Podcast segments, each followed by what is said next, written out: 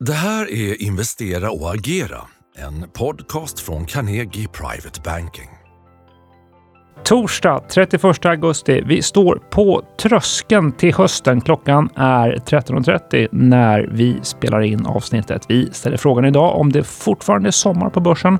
Vad är utsikterna för septemberhandeln och i vilka sektorer kan privata investerare bygga position nu framåt på Stockholmsbörsen? Dessutom blickar vi lite längre. Vilka trigger ser vi för att börsen verkligen ska ta fart? Vi gästas av Carl Hedberg, aktiechef Carnegie Private Banking. Jag heter Henrik von Sydow. Välkommen till podcasten Investera och agera. Sedan senaste podden har vi ju passerat Jackson Hole. Vad var det viktigaste för privata investerare med intresse för börsen att ta med sig därifrån? Jag skulle säga att det är ju budskapet om att räntenivåerna kommer vara kvar på högre nivåer en längre tid. Det har ju funnits en förhoppning här om vi tittar senaste halvåret åtminstone att räntorna efter den här snabba stigande trenden skulle vända tillbaks nedåt. Men jag tycker det är ett ganska tydligt budskap, vilket egentligen centralbankerna med Fed i spetsen har haft hela tiden, att räntorna kommer behöva komma upp mer än vad marknaden förväntar sig och de kommer behöva ligga kvar på de nivåerna en längre tid. Och det tycker jag var väldigt tydligt budskap just från Jackson Hole den här gången också. Att man kan inte förvänta sig att räntorna kommer börja sänkas i närtid. Mm. Däremot kan man väl fundera på om och hur många höjningar det eventuellt finns kvar om man tittar på den amerikanska marknaden. Men vi ska nog räkna med att sänkningarna ligger längre framåt i tiden. Just det, jag träffade en investerare i veckan som beskrev det som att vi har snabbt rört oss från en föreställning om att räntorna skulle vara lower forever till att nu då bli higher for longer. Stort och snabbt skifte, eh, verkligen där. Absolut. Eh, sista handelsdagen i augusti idag, 31 augusti som jag nämnde. Om du skulle ta temperaturen på Stockholmsbörsen just nu, vad visar den då? Ja, jag skulle säga att det är ju ett väldigt avvaktande beteende på marknaden och eh, hos investerare. Men det har å andra sidan varit även sen eh, tillbaks Ja, egentligen skulle jag säga ända från den här eh, perioden i januari som startade urstarkt. Därefter gick vi in i en betydligt mer lugn takt och sen då från våren och framöver sommaren som har varit mer avvaktande. Då har det dock varit ändå en positiv tilt på, på Stockholmsbörsen. Eh, och sen har vi då under sept, eh, augusti månad vänt tillbaks neråt istället. Men det är mycket försiktighet skulle jag säga. Ingen större rädsla men mer en försiktighet och en väntan på att man hela tiden ska få ytterligare lite kompletterande information om skulle säga egentligen då, vart är inflation och därmed räntor och konjunktur på väg någonstans? Mm, väntan på makro, klarhet om makrobilden, eh, verkligen. Just när vi står inför ett månadsskifte, inför septemberhandeln på, på börsen, får jag be om en månadsutblick. Vad tror du om eh, september som väntar?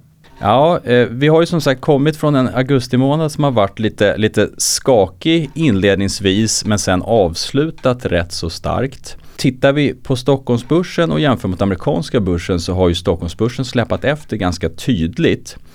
Det tycker jag faktiskt kan vara en positiv faktor som talar för att vi skulle kunna ha en återhämtning. Jag tror dock inte att den kommer under september månad så tydligt utan snarare att den ligger någon månad eh, ytterligare framåt. Så jag är väl ändå beredd på att september kan fortsätta vara en liten sån här volatil börsmånad med stor osäkerhet fortfarande. Tittar vi på säsongsmönstret så historiskt sett så är ju september en av de absolut svagaste börsmånaderna. Mm. Varning för stormiga septembervindar nästan. Ja, det tycker ja. jag man kan, kan utfärda en viss varning för. Finns det några särskilda händelser eller särskild information som du tror kommer styra börsen?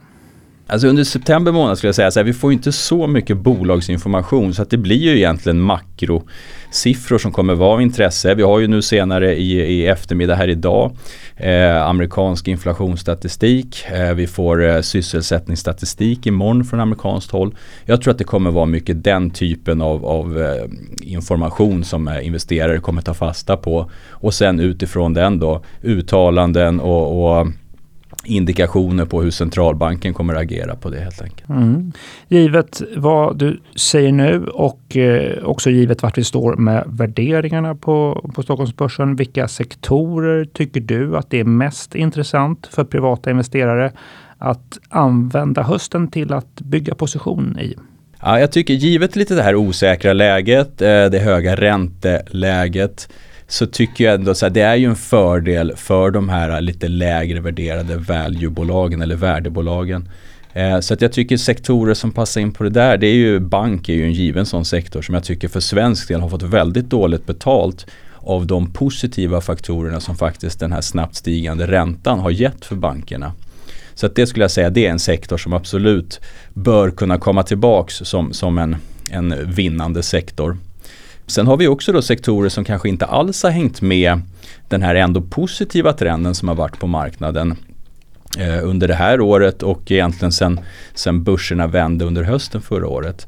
Eh, och där tycker jag skogssektorn ser riktigt intressant ut som, som har haft ett riktigt tufft år när det gäller vinstutveckling men där det ser ut som att man nu faktiskt står inför en vändpunkt och att nästa år ser betydligt mer normalt ut i ett, i ett vinsthänseende. Mm. Intressant. Banker finns mycket kapital att hämta. Skogssektorn står inför en vändning och också relativt eller lågt värderat. Då, eh, ska sägas. Just det. Delvis kopplat till eh, banksektorn är ju fastighetssektorn och fastighetsindex som ju har faktiskt då har utvecklats eh, bättre än börsen under sommarmånaderna.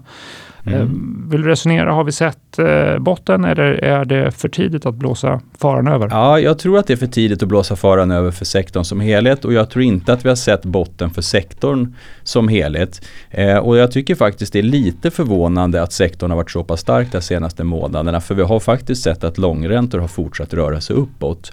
Eh, och är det någonting som jag tror kommer liksom vara den här tydliga signalen till när det börjar bli riktigt intressant att titta på den här sektorn ur ett mer långsiktigt perspektiv, då är det just liksom räntetrenden och när den då Eh, med, med, liksom med större säkerhet har nått sin topp och framförallt att man har nästa sänkning inom någon form av räckhåll. Mm. Så att eh, det tror jag är liksom triggen för sektorn och jag tror inte att vi är där än. Så att jag tycker det är för tidigt att, att vara positiv fastighetssektorn som helhet. Intressant. Räntetrenden, en trigger, också den här refinansieringspucken. Ja men precis, det är ju det och det är, så, det, det är ett stort problem för fastighetssektorn även om inte det gäller alla bolag i sektorn. Och det är ju just det som har varit en av de stora faktorerna som har hämmat bankerna. Just att man bedömer, framförallt från utländskt investerarhåll, att svenska banker har en väldigt stor exponering mot den här sektorn. Det finns stora obligationslån som förfaller som man inte riktigt vet hur man ska omfinansiera eller man vet inte om bankerna kommer klara att ta emot det där och det skulle kunna då leda till problem för de bankfinansieringar som också finns i de här bolagen helt enkelt. Mm. Det är ju flera som nu förutspår en eh, sidledes slagig börsutveckling under hösten. Du var själv inne på att investerare är avvaktande eh, just det här. Eh, om du skulle resonera, vad skulle kunna vara en bredare börstrigger som får igång risksentimentet, som får igång investeringsviljan? Ja, jag tror ju det kommer nog vara egentligen signaler om inflation och sen därmed kopplat till räntan som är den här tydliga, mer långsiktiga triggern. Sen tror jag faktiskt i ett mer kortsiktigt perspektiv om vi tittar härifrån framåt mot, mot årsskiftet, då tror jag även att Q3-rapporterna skulle kunna vara en faktor som faktiskt skulle kunna ge lite investeringsvilja tillbaks igen. Och kanske mest faktiskt inför rapporterna för att jag tror ändå att eh, vi, många kommer börja misstänka att även Q3 har varit ett ganska bra eh, resultat eh, generellt sett för de här bolagen. Mm. Eh, och är vi då kvar på för låga nivåer så tror jag man kommer inse att, att man har tagit ut för mycket negativt här och nu. Så att jag tror ändå lite optimism inför Q3-rapporterna också mm. skulle kunna vara en sån faktor för lite kortsiktig börsstyrka. Mm. Intressant och som sagt, du nämnde ju några händelser. Imorgon har vi jobbstatistik och så vidare. De datapunkter som Fed har ögonen på Absolut. kommer ju vara högintressanta förstås. Okej, vi är igång med det andra halvåret. Investerare börjar ju ställa frågor om och spana allt mer mot eh, både makro och marknadsutsikter för 2024. Vad, det är tidigt förstås, men, men vad är din spaning nu på utsikterna inför nästa år? Ja, jag tror ju tyvärr att, att vi fortfarande har en hel del konjunkturosäkerhet som kommer hänga kvar in i nästa år. Så snarare är det så att, att många har nog blivit lite för negativa för tidigt. Det såg vi även förra året och det var ju en av de stora anledningarna till den här återhämtningen vi såg under hösten. Att man insåg att okej, okay, vi har ju positionerat oss för en recession men den kommer ju inte komma nu i starten på 2023.